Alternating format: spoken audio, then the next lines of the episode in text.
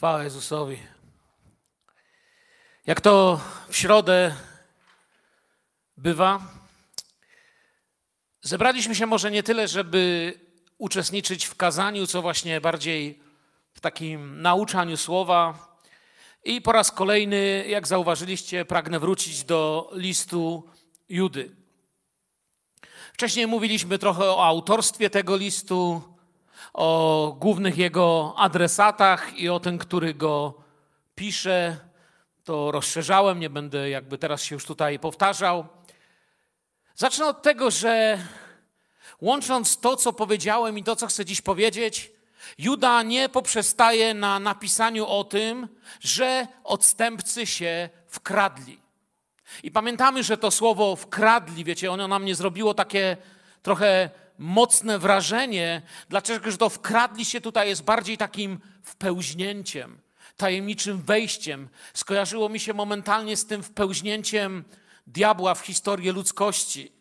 Tak to sobie łagodnie, cichutko, z nieomal niesłyszalnym szumem wpełzło.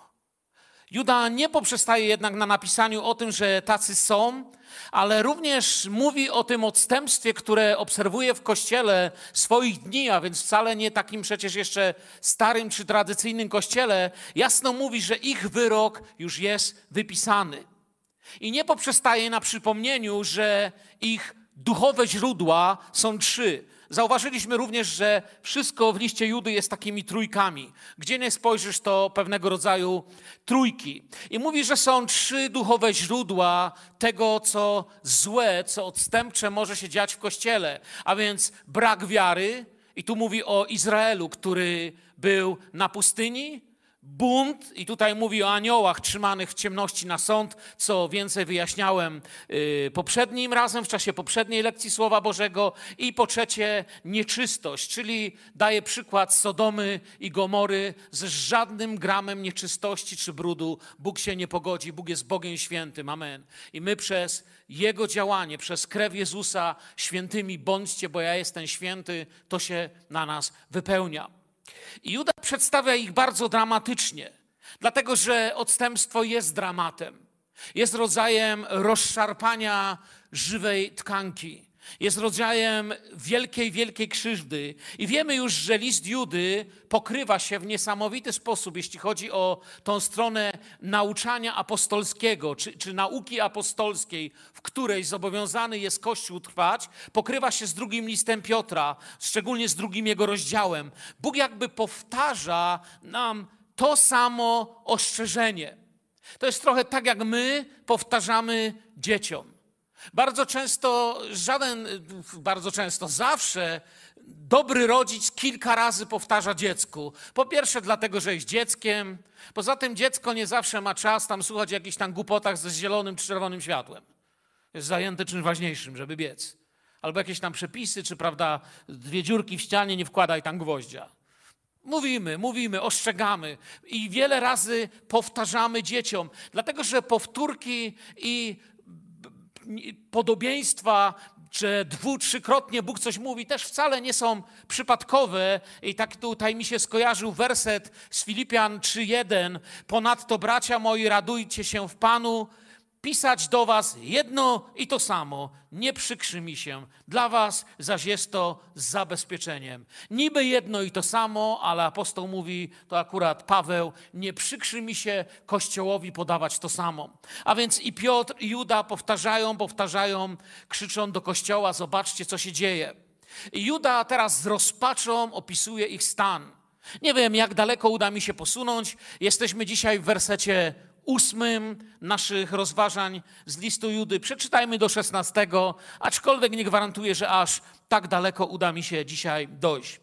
Judy 8 do 16, wiemy tylko jeden rozdział, od 8 do 16 wersetu. Pomimo to ludzie ci, hołdując urojeniom, podobnie kalają ciało swoje, pogardzają zwierzchnościami i bluźnią istotom niebieskim. Tymczasem Archanioł Michał, gdy z diabłem wiódł spór i układał się o ciało Mojżesza, nie ośmielił się wypowiedzieć bluźnierczego sądu, lecz rzekł, niech cię Pan potępi. Ci zaś bluźnią przeciwko rzeczom, których nie znają. Natomiast rzeczy, które w naturalny sposób, jak nierozumne zwierzęta poznają, gubią ich. Biada im, bo poszli drogą Kaina i pogrążyli się w błędzie Baalama dla zapłaty i zginęli w buncie Korego. Oni to są zakałą na waszych ucztach miłości, w których bez obawy biorą udział i tuczą siebie samych chmurami bez wody unoszonymi przez wiatry, drzewami jesiennymi, które nie rodzą owoców, dwakroć obmumarłymi, wykorzenionymi, wściekłymi bałwanami morskimi, wyrzucającymi hańbę swoją, błąkającymi się gwiazdami, dla których zachowane są na wieki najgęstsze ciemności. O nich też prorokował Henoch siódmy potomek po Adamie, mówiąc: Oto przyszedł Pan z tysiącami swoich świętych, aby dokonać sądu nad wszystkimi i ukarać wszystkich bezbożników za wszystkie ich bezbożne uczynki, których się dopuścili, i za wszystkie bezecne słowa, jakie wypowiedzieli przeciwko niemu bezbożni grzesznicy. Są to ludzie biadający nad losem swoim, kierujący się swoimi porządliwościami. Usta ich głoszą słowa wyniosłe, a dla korzyści schlebiają ludziom. Przyznacie, że z tego nie wyłania się jakiś optymistyczny obraz. Rzekłbym dość ciężki fragment Słowa Bożego. Raczej wybieramy takie fragmenty, gdzie jest jakaś nadzieja, jakaś obietnica. I chcę Wam powiedzieć, tu jest też wielka Boża mądrość, wielka nadzieja i wielkie jest tutaj dla nas pouczenie. Juda zaczyna od słowa pomimo to, czyli pomimo, że jest tak źle, oni nic nie widzą. Nie przejmują się i robią swoje, żyjąc własnym egoizmem, który opisuje potem w 16 wersecie na końcu, jak tam dojdziemy. Dlaczego? Zobaczmy na to bliżej. Mamy tutaj takie greckie słowo, ale nie chodzi o lekcję z greki. U nas jest napisany podobnie. Oznacza nie tyle identycznie, ale oznacza tutaj raczej w znaczeniu tego tekstu, że prowadzi to do tego samego, ciągle do tego samego, czyli do odrzucenia Bożego autorytetu bo to jest problemem, który tak naprawdę opisuje Juda w swoim liście, co za chwilę postaram się Wam bardzo jasno pokazać. W wypadku Judy nie jest problemem jakaś na przykład herezja dotycząca, nie wiem, trójcy czy natury Chrystusa. Chociaż wiadomo, że ona będzie częścią każdego odstępstwa, ale to, co on najbardziej chce pokazać Kościołowi, jest właśnie ponad wszystko problemem Bożego autorytetu, Bożego autorytetu słowa, które Bóg wypowiedział w życiu wierzącego człowieka. To jest zawsze początek rozpadu każdej dziedziny życia. Usunąć z jakiejś dziedziny Boży autorytet, zacznie się rozlatywać. Również używa tutaj Juda takiego ciekawego słowa Hołd dla urojeń. Tu dosłownie oznacza hołd dla snów. I to wiecie, kiedy pisze o takim hołdowaniu urojeniom czy swoim snam, bo dokładnie takie słowo jest tutaj, to z takimi snami, którym hołdują mowi odstępcy, starożytni biegli do wyjaśniaczy snów. Takie sny, takie urojenia coś oznaczały były raczej postrzegane w świecie starożytności jako wow, ten człowiek to jest duchowy, on to widzi, on to wie, on mruczy, on gdzieś tam coś dostrzega, czego my biedni nie dostrzegamy, coś znaczy, coś zapowiada. I tu się, wiecie, szczególnie można zdziwić, że kiedy mówisz, że hołdują urojeniom, jak powiedziałem, że hołdują snom, to jest to dokładnie, teraz słuchajcie, zdziwienie dla tych z was, którzy już troszkę znają Słowo Boże i troszkę więcej je czytają, tu się można zdziwić, bo jest to dokładnie to samo słowo użyte, to czemu oni hołdują, powiedziałem tym snom, tym urojeniom, jakie mamy użyte w Dziejach Apostolskich 2,17, gdzie jest napisane, że starcy sny mieć będą gdzie tam jest bardzo pozytywne to, prawda? Jest objawem działania Ducha Świętego. Tu się w ludziach dzieje to samo, dokładnie tym samym słowem określone, ale postrzegane jako coś negatywnego. Wyjaśnienie wcale nie jest skomplikowane. Tam starcy sny mieć będą i będą błogosławieństwa dla kościoła. Dla kościoła. Tu jest inaczej, ponieważ ich sny nie szanują nikogo i niczego. Jeszcze raz mówię, Juda mówi o autorytetach, o autorytecie Boga, Jego słowa. Słowo Boże i nauka apostolska jest dla tych ludzi nieważna.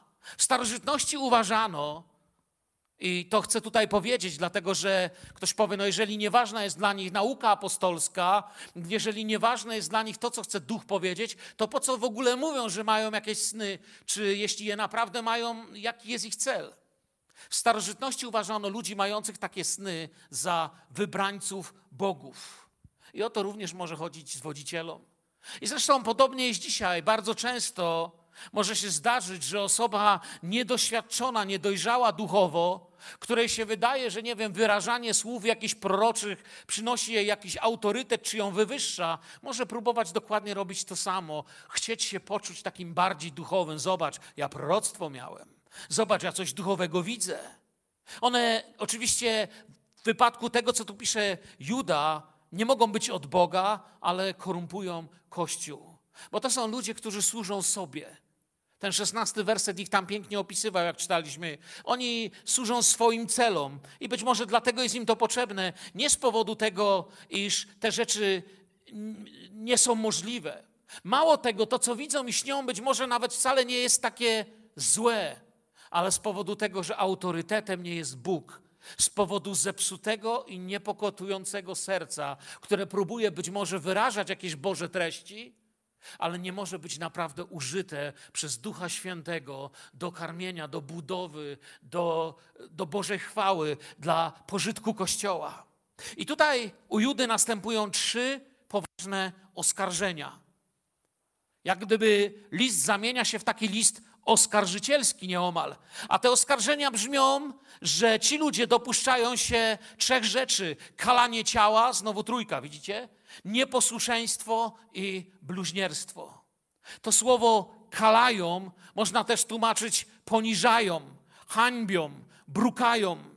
I czasownik ten stosowano też przy opisie na przykład upadków grzech seksualny. Dokładnie takiego samego słowa używano, że ktoś kala czy hańbi swoje ciało, kiedy dopuszczał się na przykład nieczystości y, związanej z zołóstwem, kiedy skalał na przykład kobietę gwałtem, czyli zniszczył jej kobiecość, pokalał ciało. I dokładnie to samo słowo stosowano do opisu trądu i innych nieczystości związanych z różnego rodzaju ropiającymi ranami, jak już powiedziałem, trądem, jakimś rodzajem grzybicy, czy innych chorób, o których mówiło prawo Mojżesza.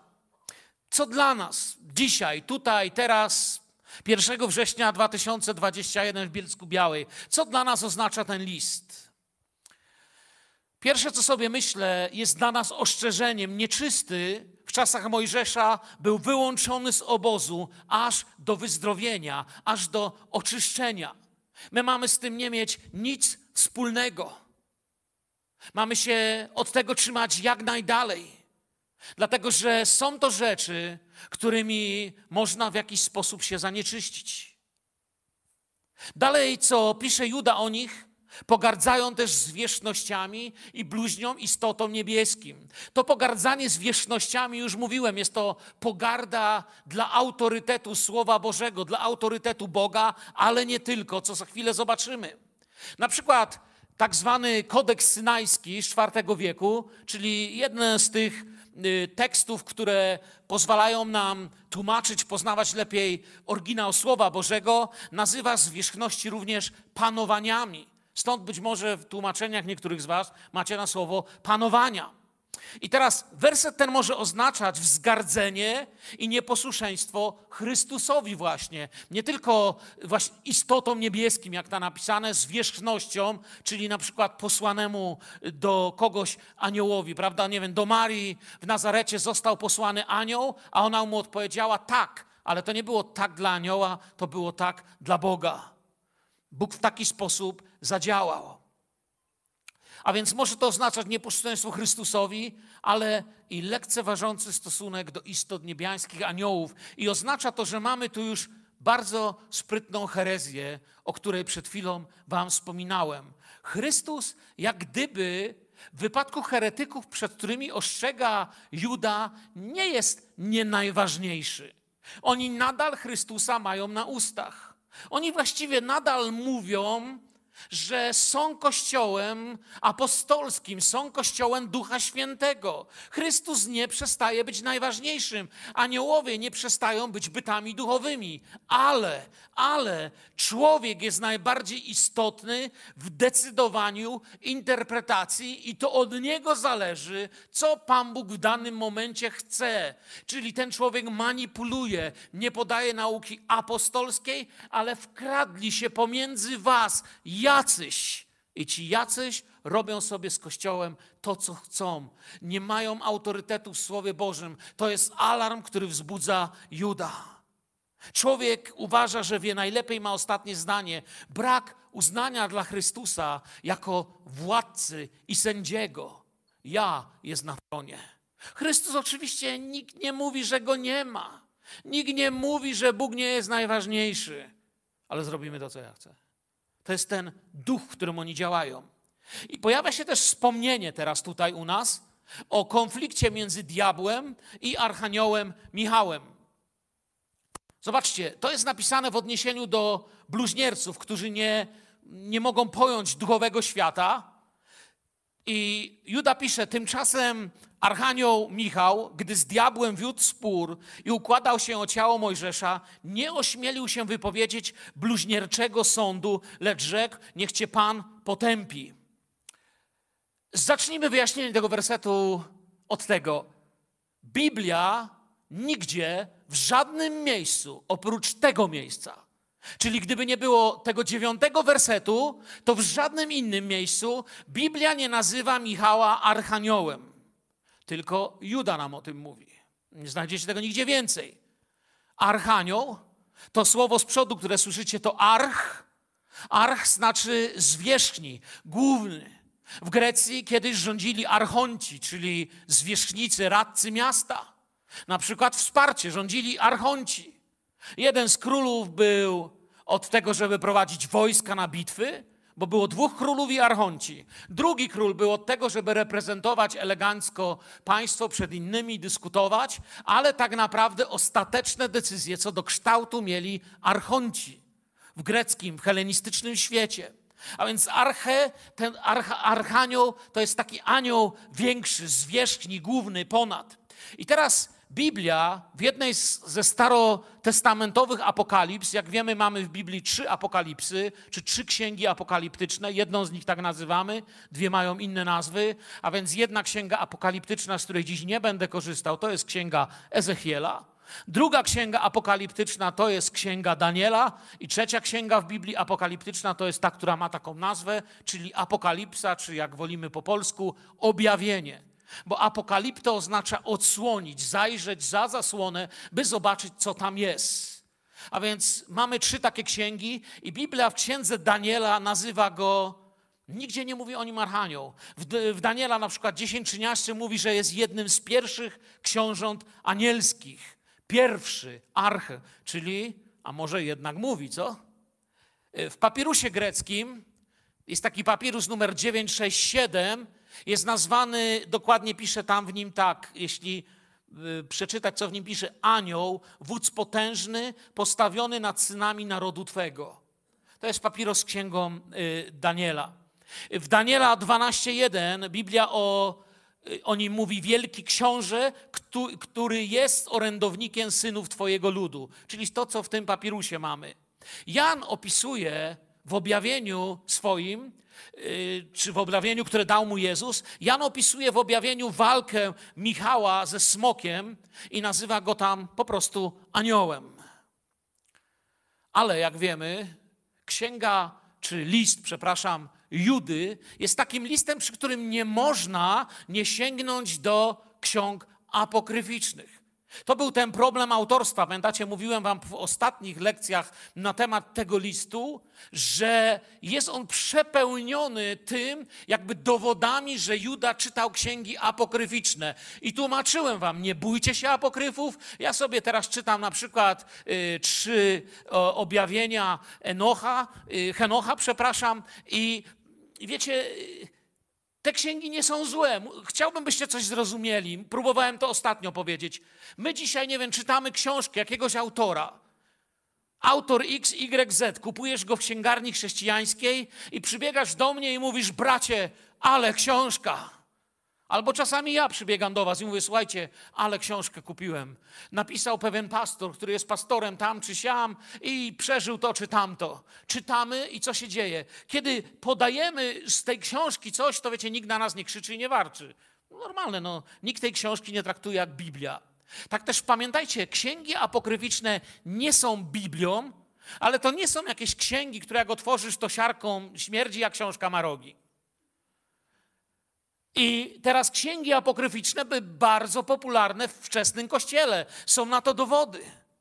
Ale idziemy dalej. I więc te apokryfy również nam mówią coś na temat Michała. I tak na marginesie jeszcze, to jest taki całkowity margines, żebyście wiedzieli, skoro tyle wspominamy przy Judzie o apokryfach, a właśnie szczególnie o tej apokalipsie Henocha, czy księdze Henocha, z której Juda wydać wyraźnie, że czerpie, to powiem wam, że są trzy takie księgi Henocha.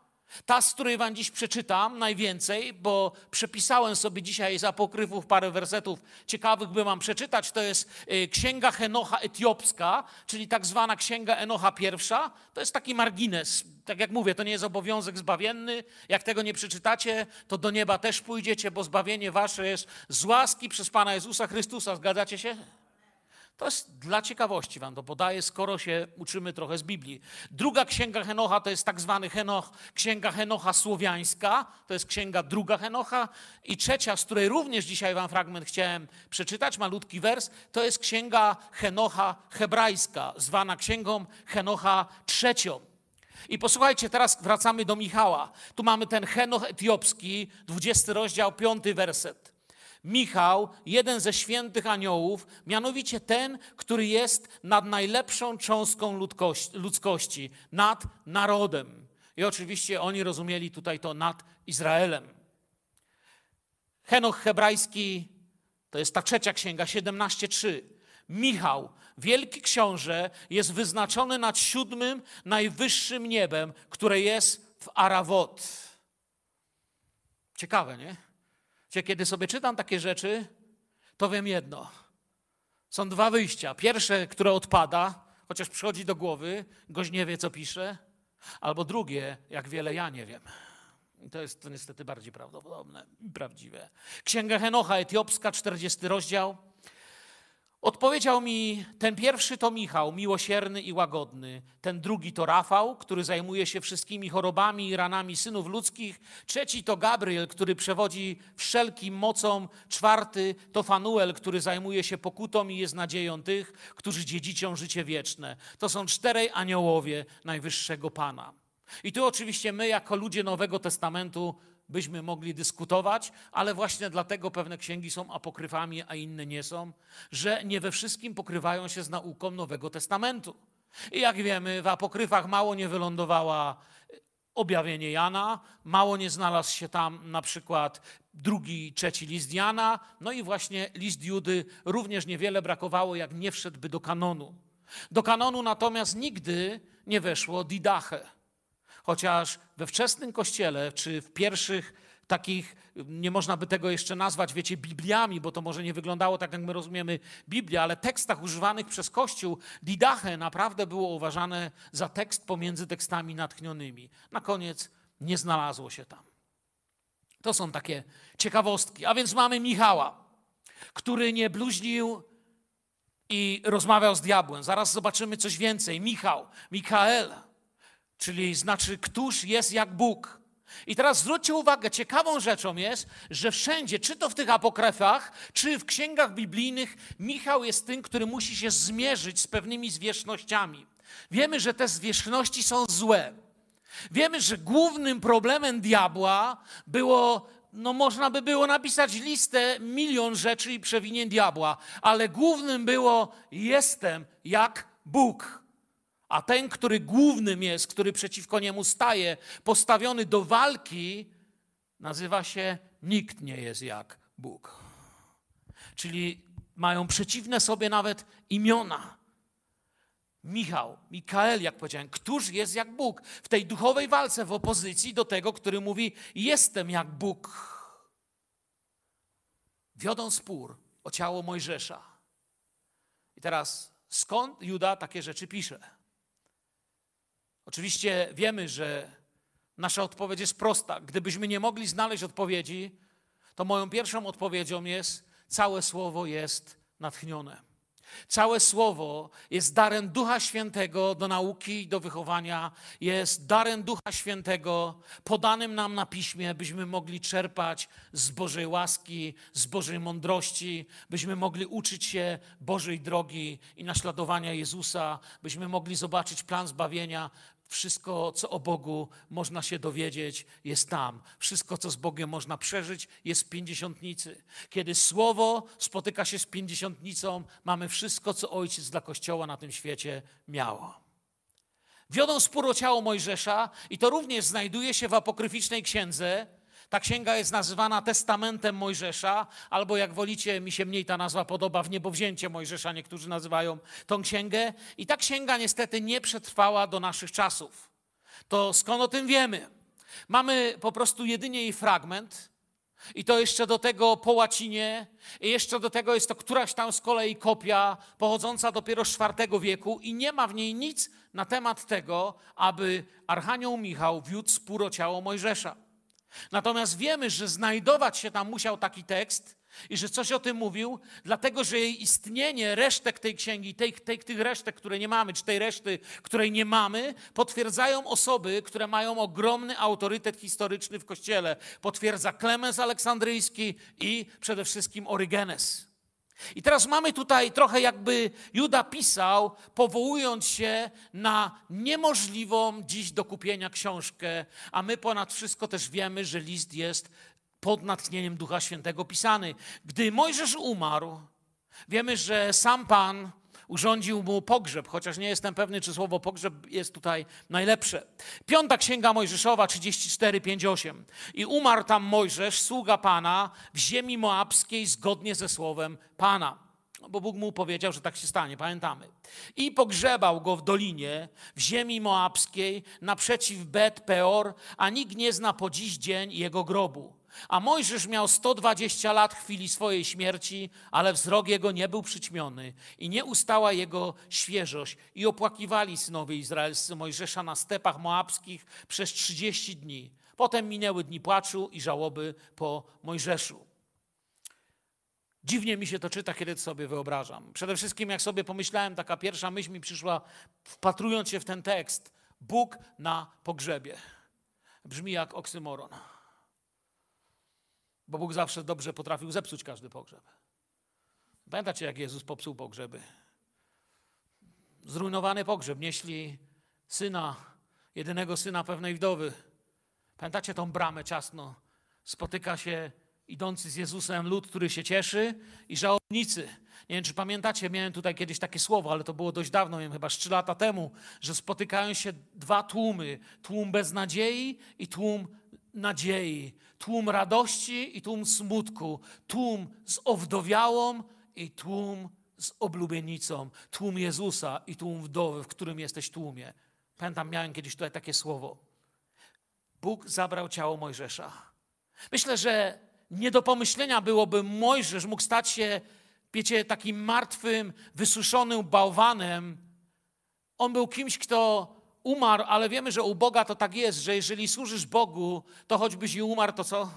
To żyć będziesz. Mojżesz nie mógł się stać ich zasuszonym bałwanem.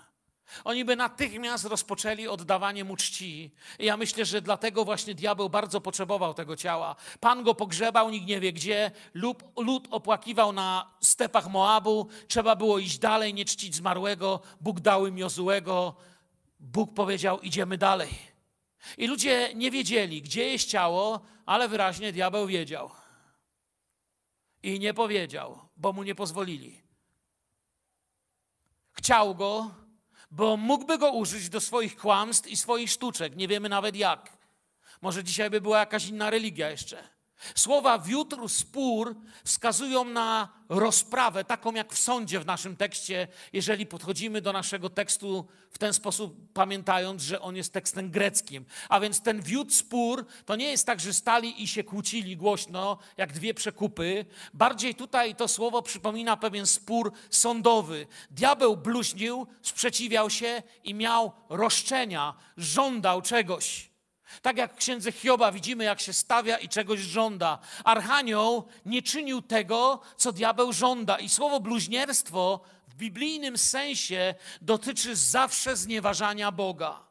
Słowa nie ośmielił się wypowiedzieć bluźnierczego sądu, dosłownie oznaczają nie miał śmiałości wytoczyć mu sprawy oskarżycielskiej. To jest to, co robił Archanioł wobec diabła. Nie podał mu oskarżenia za to, co robi. A byłoby o co? Archanioł decyduje, że nie po to został posłany. W swoim posłuszeństwie i pokorze spogląda, czy nie wiem, jak wygląda, wiecie, ta rozmowa w duchowym świecie, bo nie dane nam tam wejrzeć. Biblia nam mówi, że to był spór, który wiedli, ale Archanioł, mając takiego przeciwnika przed sobą, uznaje, że jest ktoś większy, kto zdecyduje jego losie. On jest tylko tym, który przekazuje wolę władcy i nic ponadto. I to też jest dla nas lekcja. Tylko Jezus mógł to wygrać tak, jak Bóg chciałby to wygrać. Tylko Jezus znał prawdę o diable, wiedział, że nie jest do tego uprawniony, i dla nas to jest lekcja, że nie mamy szans w żadnej osobistej konfrontacji z szatanem. W Jezusie Chrystusie jestem zwycięzcą. Amen. To nie ja. Wiecie, jest takie niebezpieczeństwo czasami, że ludzie dyskutują z diabłem. Nie znajdziecie nigdzie wersetu, który zachęcałby was do jakiejkolwiek dyskusji z diabłem. Absolutnie. Czy ja w swoim czasie słyszałem człowieka, który modlił się z zamkniętymi oczami w kościele, miał podniesioną rękę i mówił: Diable, a ja ci teraz mówię, i diable to i tamto, i ja ci chcę mówić, a ja ci teraz rozkazuję, a ja ci wyjaśniam, a ja ci. Ja sobie myślę, chłopie, a kim ja jestem, żeby z nim rozmawiać? Wszelka rozmowa z nim ma inną nazwę. To się nazywa okultyzm. Jedyne, co wobec jego siły, mocy, agresji, zła, które przynosi, mogę powiedzieć, to w imieniu Jezusa. W imieniu Jezusa. I potem może nastąpić to, co w imieniu Jezusa jest faktem i prawdą. Ale co my mamy do gadania z nim, to ja nie wiem. Nigdy nie wpuszczajcie się w takie rzeczy, bo to jest przeciwnik, który nas przerasta, który nie jest, wiecie, jakimś, wybaczcie za wyrażenie, idiotą z kopytami, z widłami, z jakimś kotłem. Jak sobie ludzie czasem wyobrażają. Słyszałem nawet o objawieniach, gdzie jakaś kobiecina w Rosji miała wgląd w piekło i pisze, że tam kotły, że się dusze w tych kotłach tam gotują i diabeł na tronie, wiecie, i wychodziło z jej objawienia, że gdzieś tam daleko stąd jest taka Independent Republic of Devil. Niezależna Republika Diabelska, gdzie nie ma Pan Bóg nic do gadania. Coś wam powiem, on przegrał. Jest pokonany. Golgota pokazała, gdzie jest jego miejsce. Jest przegrany, wie, że ma mało czasu, dlatego szaleje, jest zbrodniarzem, jest mordercą od Kaina przez Oświęcim aż do dzisiaj i wyrok na niego już zapadł. Przegrał, nie ma nic do gadania. Jedynie co może się stać, to kiedy się modlisz i żyjesz w imieniu Jezusa, to w duchowym świecie ktoś podwinia ogon i ucieka, a my najwyżej możemy poczuć przykry zapach tchórzostwa. Tyle się mu może stać. Nie dawajcie mu przystępu. Macie imię Jezusa. Amen? Czujemy to, o czym mówimy, nie? I wracamy do naszego sporu, bo to jest ten spór tutaj trwał i zobaczcie, Archanioł zachował postawę nieba, wolny od ubliżania i złych słów, nawet wobec diabła. Kiedyś tego nie wiedziałem kiedy jeszcze byłem młodym, niedojrzałym chrześcijaninem, to nawet myślałem, że to jest bardzo pobożnie napisać na przykład, że diabeł jest głupi. Albo coś o nim złego powiedzieć. Później w miarę czytania Biblii zobaczyłem, że są byty duchowe, o których nie mam pojęcia i nie jestem powołany do oceny diabła, ale do poznawania Jezusa, oddawania Mu chwały i, i, i chodzenia w Jego woli. Amen. My czasem, co jest jeszcze bardziej smutne, bo patrzę na Archanioła, który z ogromnym respektem dyskutuje, z ogromnym respektem nie wobec przeciwnika, ale wobec tego, którego reprezentuje, tego, któremu służy. My czasami gorzej słownie traktujemy naszych bliźnich. Idąc dalej, owi odstępcy, to werset dziesiąty, jeśli tam za mną widzicie, bluźnią i sądzą, wypowiadając się o czymś, czego nie znają. I tu mamy przykład takiej znowu greckiej retoryki, pochodzącej y, z, z prawa, z sądu dokładniej. Ma tu miejsce grecka retoryka oskarżyciela w sądzie. Bo co robił oskarżyciel w greckim sądzie? Jego celem było powiedzieć najwięcej jak się da, aby pozbawić tego, który był o coś oskarżony, jego autorytetu, całkowicie zniszczyć jakby jego, y, to, że ktoś w ogóle słucha, co on mówi, pokazać, że on jest nikim, że tylko kłamie i nie ma żadnej wartości autorytetu. To miał zrobić obro, nie obrońca, przepraszam, a właśnie oskarżyciel. Obrońca przeciwnie, ratował tego człowieka z opresji. I bluźnić. To słowo jest w ósmym i dziesiątym wersecie. On się nie odważył bluźnić. Jest dla nas lekcja, nie bluźnij. Ktoś powie, no ale co znaczy, że bluźnie to znaczy co? Można by całe kazanie zrobić, ja sięgłem do słownika i przeczytam wam synonimy do słowa bluźnierca. Według przynajmniej słownika języka polskiego. Synonimy słowa bluźnierca. A my mówimy, nie rób tego. Cięty język, cynik, ironista, kpiarz, krytyk, opluwacz, oszczerca, przedrzeźniacz, prześmiewca, szyderca, zgryźliwiec, złośliwiec, hipokryta, insynuator, obłudnik, szarlatan, świętokradca, profanator, grzesznik. Konsekwencją takiej postawy serca jest ich własna ruina. Sami siebie niszczą, bo Kościoła i tak nie przemogą, ponieważ to jest własność Pana Jezusa. Odstępcy Pamiętajcie tym, nie różnią się w tym ostrzeżeniu Judy, odstępcy nie różnią się od Kościoła brakiem doskonałego poznania, bo my też nie wszystko wiemy. Daleko wielu z nas do, do, do chociaż małego poznania. Różnią się więc nie tym, że my wszystko wiemy, a oni nie wiedzą albo coś takiego. Różnią się tym, że mówią o czymś, co przerasta możliwości ich poznania. Nie wiedzą, a mówią. Gdybyście nie mówili, mówi Jezus. Ale mówicie, że wiecie. Mówicie, że czyści, że niewinni. Pamiętacie obronę faryzeuszy? Słowa, które wypowiadali, były bardziej osądem dla nich niż jakąkolwiek obroną. I dalej Juda mówi, to są nierozumne zwierzęta. Czy działają jak nierozumne zwierzęta? Są przykładem działania bez poznania, bez bojaźni, bez modlitwy. Bo jak działa zwierzę? Wiecie, jak działa zwierzę? W oparciu o to, co chce, czuje i emocjonalnie odbiera, jako właściwie teraz, interpretując to przez to, co nazywamy instynktem.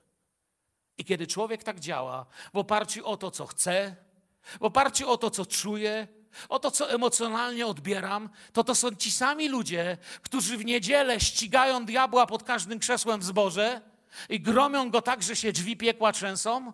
W poniedziałek dzwonią i się pytają pastora, czy ja jestem zbawiony, czy nie. Zależy, co emocje mówią. I powiem tak, jeśli chodzi też o takie emocje właśnie w oskarżaniu czy w osądzaniu, to powiem, przez moją tą wieloletnią drogę z Panem Jezusem, to dojrzewanie, to wzrastanie, czytając Judę mam sam wiele do wyznania, zauważyłem. Wiele razy musiałem wyznawać Bogu. Szczególnie wiele lat temu był taki przełomowy moment mojego życia, w którym powiedziałem Panu, że plotkowałem, byłem oszczercą, potrzebowałem Bożego dotknięcia i Bóg mi to dał. Bóg mnie podniósł, ale potrzebowałem wylać moją duszę przed Jego obliczem. Sam mam wiele do wyznania. Kierował mną gniew, połączony z poznaniem moim malutkim i niedoskonałym, plus interpretacją tego, co widziałem na swój sposób. A potem się dziwiłem, że popełniam błędy. Dokładnie jak nierozumne zwierzę co czuje, co widzi, tak działa. I oczywiście idąc dalej w nasz głęboko eschatologiczny list, w każdej eschatologii, tak jak w każdej apokaliptyce, musi się znaleźć chociaż jedno co? Pamiętacie u Jana? I spojrzałem. I oto usłyszałem, jak pewien orzeł leczący pośrodku niebios, głosem ogromnym wołał: Biada, biada, biada. A więc i u Judy musi być jakieś biada. Werset jedenasty. W Biblii przemiennie oznacza przerażenie, strach, ból, rozpacz, a nawet połączone z tymi wszystkimi razem gniew. I tutaj Juda definiuje heretyka w oparciu o trzech ludzi. Wyciąga nam z Biblii trzech ludzi, mówi biada, a potem następuje lekcja i znowu trójkę widzicie u Judy. Trzech wspomnianych tu ludzi: Kain, Korach i Balam. To są ludzie, którzy całkowicie się rozbili, gdy stracili z oczu Bożą prawdę. Każdy z nich miał prawdziwą i rzeczywistą relację z Bogiem, ale poszedł swoją drogą. Droga Kaina to była religia bez wiary i uwielbienia Boga, która zaprowadziła go przez zazdrość do odstępstwa, to odstępstwo do morderstwa. Droga Balama to religia za pieniądze, dary za pieniądze dla zysku i mocy i autorytetu, który sam sobie chciał mieć. Droga Koraha to bunt, bunt Korego nazywany czasem, to brak autorytetów i zważania na Boże powołanie dla innych ludzi. Mamy dziś tego mnóstwo w kościele. Jak już powiedziałem, brat Korach występuje dzisiaj często. On wszystko wie, on czytał i nawet na YouTubie słyszał jednego profesora, co to mówił. I on powoduje, że rozpada się to, co było marzeniem i pragnieniem. Kościół pełny jedności. Każdy z tych objawów może pojawiać się w kościele i wyglądać jak coś właściwego. Kain. No niby chłopisko się poszło modlić i, i coś chciał. Balam. To się może pojawić złe motywy w służbie. Kiedy moją służbą zaczyna kierować jakieś moje gwiazdorstwo czy zyski. Droga Koracha to brak autorytetów. Jednoosobowy kościół który z jakiegoś powodu uważa, że jest bardzo biblijny. Tyle tylko, że od 20 lat nie udało się znaleźć wystarczająco świętej społeczności, aby taki ktoś mógł się w niej znaleźć. Każdy z tych objawów może, jeszcze raz powiedziałem, wyglądać właściwie, ale oto co się dzieje. Juda używa ciekawych słów. Posłuchajcie tych słów, jak, jak on mówi. I znowu są trzy słowa, znowu trójeczka. Poszli drogą Kaina zapamiętajcie, poszli, pogrążyli się w błędzie Balama, zginęli w buncie Korego. Poszli, pogrążyli się, zginęli. Oto droga odstępcy. Poszli, pogrążyli się i zginęli. Juda, myślę, że ze łzami w oczach Mówi do kościoła: nie idźcie, bo się pogrążycie, a jak w to się uwikłacie i pogrążycie, to zginiecie. Jeżeli podważymy Boży autorytet, bunt i nieposłuszeństwo przyjdą już wtedy same. Już się nawet nie musisz troszczyć o to. Dlatego wystarczy przestać trwać słowy. Jak wam powiedziałem, że prawie 100% duszpasterskich rozmów nie tylko tu, ale gdziekolwiek indziej Bóg dał mi służyć. Jaki by problem nie był człowieka, od najpoważniejszych grzechów pociągających za sobą konsekwencje prawne, do zwykłych upadków, zawsze na początku było odłożenie Słowa Bożego, brak trwania w Słowie Bożym. Słowo droga, wiecie, w starożytności bo mówimy droga Kaina, droga Koracha i tak dalej. Słowo droga w starożytności oznaczało naśladowanie kogoś. Nie wiem, czy wiecie, że na apostołów mówiono również, czy na uczniów Jezusa, ludzie tej drogi, czy ludzie drogi Jezusa, albo ludzie drogi pańskiej. I Juda pokazuje nam, jak widzi ich Duch Święty. I teraz nam mówi, Duch Święty aby, czy, czy Juda nam mówi, jak to widzi Duch Święty i chce nas pouczyć. I używa takiego ciekawego, ciekawego słowa, że to są, oni są jak zakała. Piotr mówi w swoim liście, drugi list Piotra 2,13, że są zakałą i hańbą. Słowo zakała. To słowo greckie zakała w Grece brzmi spilas, to jest, y, oznacza również Bardzo ciekawe jest jego tłumaczenie greckie. Również jest używane na oznaczenie ukrytych pod wodą, słabo widocznych, ale niebezpiecznych dla okrętów raf. Można się o nie rozbić, a człowiek, który rozbije się w wierze, jest rozbitkiem w wierze.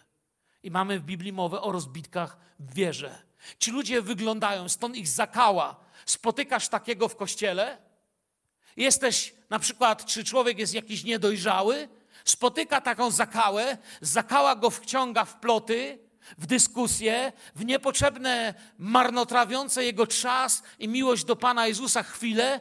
I tego człowieka po roku znajdujemy w gorszym stanie niż przyszedł, bo rozbił się o zakałę, rozbił się na rafach, wylądował jak rozbitek. I nie zawsze się go uda odnaleźć, uratować. Ci ludzie wyglądają duchowo ale Kościół się na nich rani. I dokładnie Juda tu pisze, że chodzi o agapy we wczesnym kościele. Nie wiem, czy wiecie, co to były agapy we wczesnym kościele. Często połączone były z pamiątką. Agapy kiedyś, jak kościoły są mniejsze, odbywają się często. U nas to e, ca, ca, ca, całe wydarzenie, żeby to zrobić. Trzeba albo catering, albo 20 siostr musi piec ciasto. Ale agapy w domowych kościołach czy w mniejszych społecznościach oznaczały spożywanie takiej uczty miłości. Skąd to słowo agapa? Gdzie, gdzie, gdzie źródło tego? No bo wiemy, że miłość w Grece to jest prawda fileo, czyli stąd mamy nazwę Filadelfia, braterska miłość. Eros, no to samo przez się mówi, jakiej miłości dotyczy. Agapa, agape y, jest miłością pochodzącą z góry, Miłością do wyprodukowania, której człowiek nie jest zdolny, jest miłością, którą jesteśmy obdarowani przez nowe życie w Chrystusie. To przychodzi z tym, i teraz agapy we wczesnym kościele były właśnie takimi ucztami, gdzie każdy przynosił, co mógł przynieść, co jest bardzo ważne. Bo teraz pamiętaj tak, jeżeli załóżmy, jesteśmy rzymskim kościołem w Rzymie, pierwszym wczesnym kościołem rzymskim, to jeżeli ja jestem niewolnikiem, a ty na przykład jesteś y, rzymskim żołnierzem albo kimś z wysokiego rodu, jakimś wysoko urodzonym Rzymianinem, to ty możesz przynieść coś. Natomiast wszystko, co ja mam, to jest tunika niewolnicza. Tak jak Jezus się przyodział, kiedy umywał uczniom nogi. Ta tunika oznaczała nie tylko to, że jest to niewolnik. Ta tunika oznaczała również w tamtym świecie że ten człowiek nie należy do siebie i nic nie ma, bo nawet to, co przykrywało jego nagość, nie było jego. I to mnie jeszcze bardziej wtedy wstrząsa, gdy pomyślę, że Jezus zdjął szaty, przepasał się tuniką, która mówiła: Umiłowałem was do końca. Ja już nie mam nic, nie mam już żadnego swojego interesu, nie mam już żadnych moich ambicji, planów, w nim nie było żadnej pychy, absolutnie. Żadnych czegoś ja, bo mi, bo mi się należy. Umiłował nas aż do końca. Ojcze, wybacz im, bo nie wiedzą, co czynią. I nawet tą tunikę w końcu z niego też zdarli. I teraz wracając do tych akap. Agapy, jeżeli ja przyszedłbym w takiej tunice, to to dla wierzących w moim kościele rzymskim oznaczało, że ja niczego przynieść nie mogę, bo mi niczego nie wolno wziąć. No chyba, że Pan był wierzący, to by wtedy przekazał ciasto. Ale niewolnik nie mógł nic przynieść, mógł tylko korzystać. Natomiast Rzymianin, wolny człowiek, jeszcze bogaty, mógł coś przynieść. I agapy były takimi ucz, y, ucztami miłości, połączonymi często z pamiątką i wiecie, to ja tylko nie, nie wyczerpałem tematu znawcy kultury tamtych czasów i Biblii mogliby na samych, o samych agapach wam mówić kilka godzin. W każdym razie wieczorem ludzie przychodzili, zbierali się w wyznaczonym miejscu i zaspokojenie głodu również było celem agapy, nie tylko pamiątka. I rządziła tutaj taka, jak mówię jeszcze raz, niezasłużona miłość. Każdy, co mógł, to przynosił. O niewolnikiem powiedziałem, ale teraz ciekawostka. Po jakimś czasie to znika z kościoła. Oczywiście dużo później niż Juda pisze swój list i z zupełnie innych powodów. Znika z kościoła dlatego, że było często nadużywano. Postanowili w późniejszym troszeczkę kościele oddzielić jedzenie od pamiątki. I nawet, co do dziś występuje w niektórych kościołach historycznych, wprowadzono post przed pamiątką wieczerzy. Kiedy wspominano Pana Jezusa i ostatnią wieczerzę, w ten dzień wszyscy, całe zgromadzenie pościło i w ten sposób uważali, że głód czynił ich równymi. Nikt nie pojadł i nikt nie, tam nie został, że sobie nie dojadł. W ten dzień był post, a agapy były kiedy indziej, ale to się stało później i jak mówię, miało czynić wszystkich równymi, oczekującymi i uwolnić od nadużyć związanych, nadużyć związanych jest z jedzeniem. Dalej Juda mówi chmury bez wody. Wiecie, może być większe rozczarowanie jak dla ziemi suchej, jak chmura bez wody, czy dla rolników. Może być większe niebezpieczeństwo dla grzeszników i poszukujących pomocy ludzi niż przyjść do takiego towarzystwa. I przypowieści 25-14 nam pięknie to tłumaczy. Biblia tłumaczy siebie. Człowiek, który się chełpi darem, którego nie dał, jest jak chmury i wiatr bez deszczu. A darem, którym się chełpił odstępca, którego nie dał, była prawda, zbawienie i przesłanie Jezusa. I przed nimi ostrzega Juda. Bóg ma dla nas to, co prawdziwe, prawdziwy deszcz. W piątej Mojżeszowej 32, 2, 3 mówi, niech kropi jak deszcz nauka moja, niech ścieka jak rosa mowa moja, jak drobny deszcz na świeżą ruń, tak jak ulewa, e, jak ulewa na trawę, gdyż imię Pana głosić będę. Oddajcie uwielbienie Bogu naszemu. Potem używa jeszcze określenie jesienne drzewa. Wiele nawet nie trzeba mówić, czy mogą przynieść jakiś owoc. Czekanie nie ma sensu. Jest czas na owoce, bo to znaczy jesienne drzewo, ale z niego nic nie będzie. Po owocach ich poznacie. Przyszedł czas, wszystko jest, tylko owoców nie ma. I Juda mówi do nas. Powoli za chwilę będę kończył, ostrzega nas. Dla niego kontrastem jest taki, wiecie, człowiek w Panu. Kiedy ostrzega, kim są ci odstępcy, wymienia te wszystkie nazwy, którymi ich nazywa. Ja myślę, że pojawia się dla nas ten człowiek, o którym mówi psalmista, bo jest człowiek jak drzewo jesienne, bez owoców. I jest człowiek psalmu 1:3. Będzie on jak drzewo. Kto? Sprawiedliwy mąż, który nie chodzi, nie zasiada, nie przebywa w gronie złych, szyderców, grzeszników. Będzie jak drzewo zasadzone nad strumieniami wód, wydające swój owoc we właściwym czasie, którego liźnie więdnie, a wszystko, co uczyni, powiedzie się. Owoc ma w sobie nasiona, a na nasiona potencjał na życie. Uważajmy, z czego czerpiemy, z czego bierzemy. Juda nas ostrzega. Z Pana rośnijmy, pańskie owoce przynosimy. Uważajmy, bo spełzło pomiędzy nas. Albo też ciekawe określenie, wściekłe fale również używa takiej nazwy dla tych fałszywych nauczycieli czy odstępców. Wiecie, dla Żyda morze było czymś, co Żydzi unikali. Hebrajczycy nie byli narodem morskim. Jednym z przekleństw, czy, czy przeklętą śmiercią dla Żyda było zjedzenie przez ryby albo utonięcie. To mamy coś u Jonasza, można by tu więcej powiedzieć. Podczas sztormu nie ma czasu na rozwój i odpoczynek. Jest walka, by jakoś przeżyć. I te fale mają dużo siły, zagłuszają wszystko, ale nie ma z nich pożytku. Y, Juda czytał w księdze Izajasza, Izajasz 57, 20-21. Lecz bezbożni są jak zburzone morze które nie może się uspokoić, a którego wody wyrzucają na wierzch muł i błoto. Nie mają pokoju bezbożnicy, mówi mój Bóg. Izajasz to napisał, Juda zinterpretował. Dał nam przez prowadzenie Duchem Świętym nauczania dla wczesnego Kościoła wspaniały list. I jedno z najbardziej dla mnie niezwykłych porównań dla odstępców, które po prostu poruszyło mnie, kiedy zacząłem się nad nim zastanawiać że są jak błąkające się gwiazdy. Dziwne, wiecie, Juda nie miał wiedzy na temat kosmosu, my ledwie coś wiemy.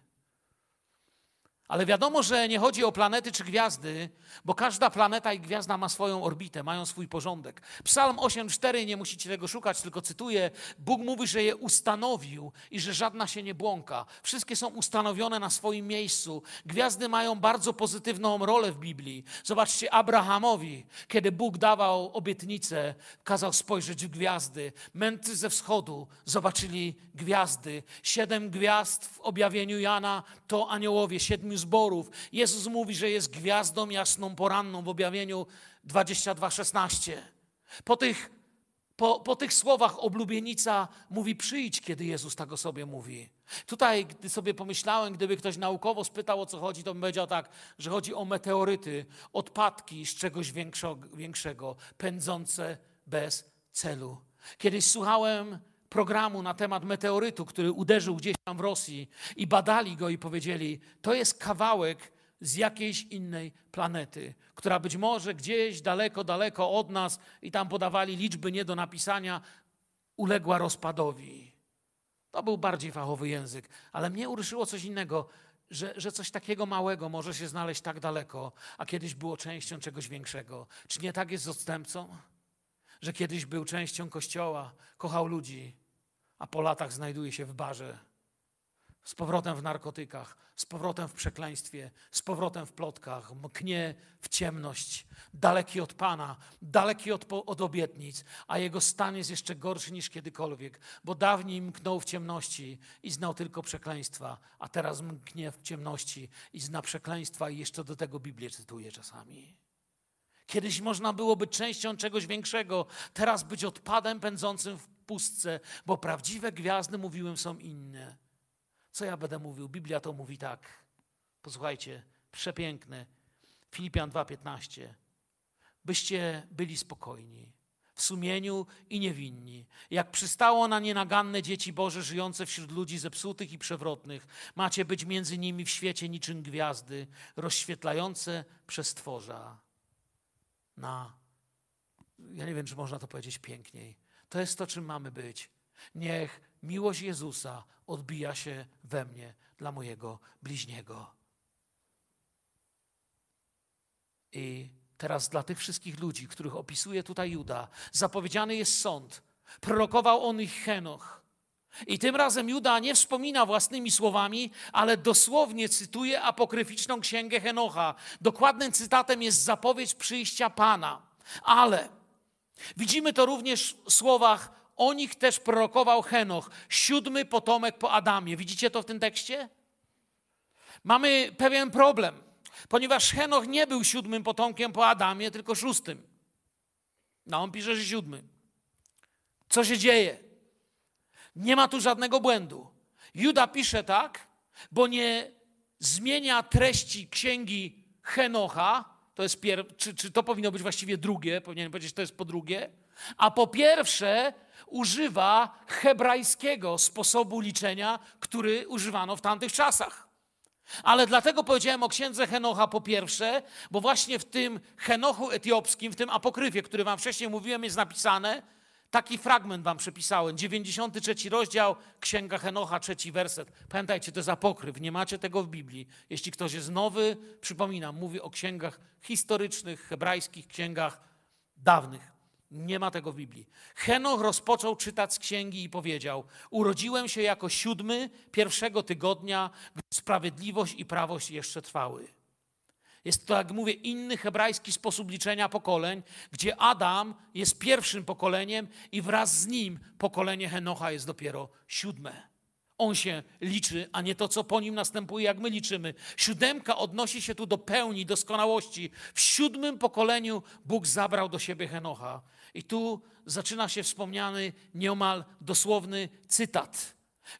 Za, zachęcam Was, można sobie nawet zrobić taką tabelkę i porównać. Henoch etiopski 1,9. Oto przychodzi on z dziesięcioma tysiącami świętych, aby dokonać sądu nad nimi, aby zniszczyć grzeszników i aby złajać każdego za to wszystko, co przeciwko niemu uczynili grzesznicy i niegodziwcy.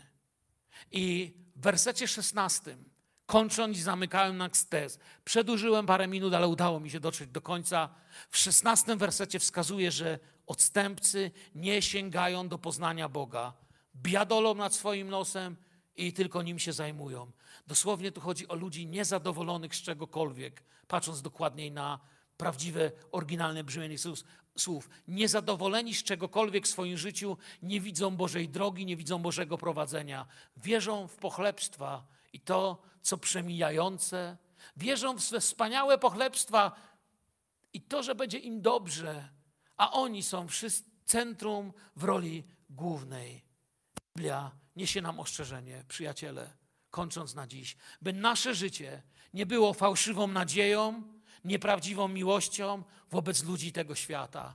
Świadczcie, bądźcie wonią Chrystusową, bądźcie świadkami Pana Jezusa, kochajcie prawdę i prośmy o mądrość od Boga. Żyjmy jak uczniowie Jezusa. Niech Pan Was błogosławi, przyjaciele. Wspaniały, wspaniały list ostrzegający Kościół dzisiaj w XXI wieku. Znów coś próbuje wpełzać, znów coś próbuje mieszać. Zwróć swój wzrok na Jezusa, popatrz na Pana. Wstańmy, podziękujmy Mu za Słowo Boże, za Jego obecność pośród nas, za przywilej, że wobec Jego ogromu On przyszedł tutaj, do tej naszej grupki, jest pośród nas, dotyka nas przez swoje Słowo. Ojcze w niebie, w imieniu Jezusa stajemy przed Tobą i dziękujemy Ci, że dałeś nam przywilej czytania Biblii. Panie, dziękuję Ci, że w naszym kraju możemy ją głośno nauczać, głośno wyznawać, świadomie i otwarcie na ulicy według niej żyć. Prosimy Ciebie, Panie, napełnij nas mądrością, bojaźnią nasze serca, byśmy na każdym kroku byli ludźmi, którzy przed innymi, przed tym światem pokazują imię Jezusa. Pokazują, że Bóg jest ich Panem, że Bóg jest ich władcą. Panie, nie chciałbym, by kiedykolwiek przez moje życie ktoś o Tobie źle pomyślał. Panie, nie chciałbym, aby kiedykolwiek przez moje życie ktoś stwierdził, że Ty nie jesteś wystarczająco wielki, święty i wspaniały. Panie, wybacz mi, jeśli kiedykolwiek moje życie albo mój sposób życia w czymkolwiek, co jestem świadomy, albo może nawet czego nie zauważyłem, ubliżał temu, do czego mnie powołałeś. Powierzamy się Tobie. Niech Twoje słowo się w nas otwiera. Pouczaj nas, cudowny nauczycielu, pocieszycielu. Ty, który przyszedłeś, który wskazujesz na Jezusa i uwielbiasz w nas Jezusa. Chcemy stąd wyjść jeszcze bardziej Twymi uczniami. Święte, święte imię Jezusa. Amen.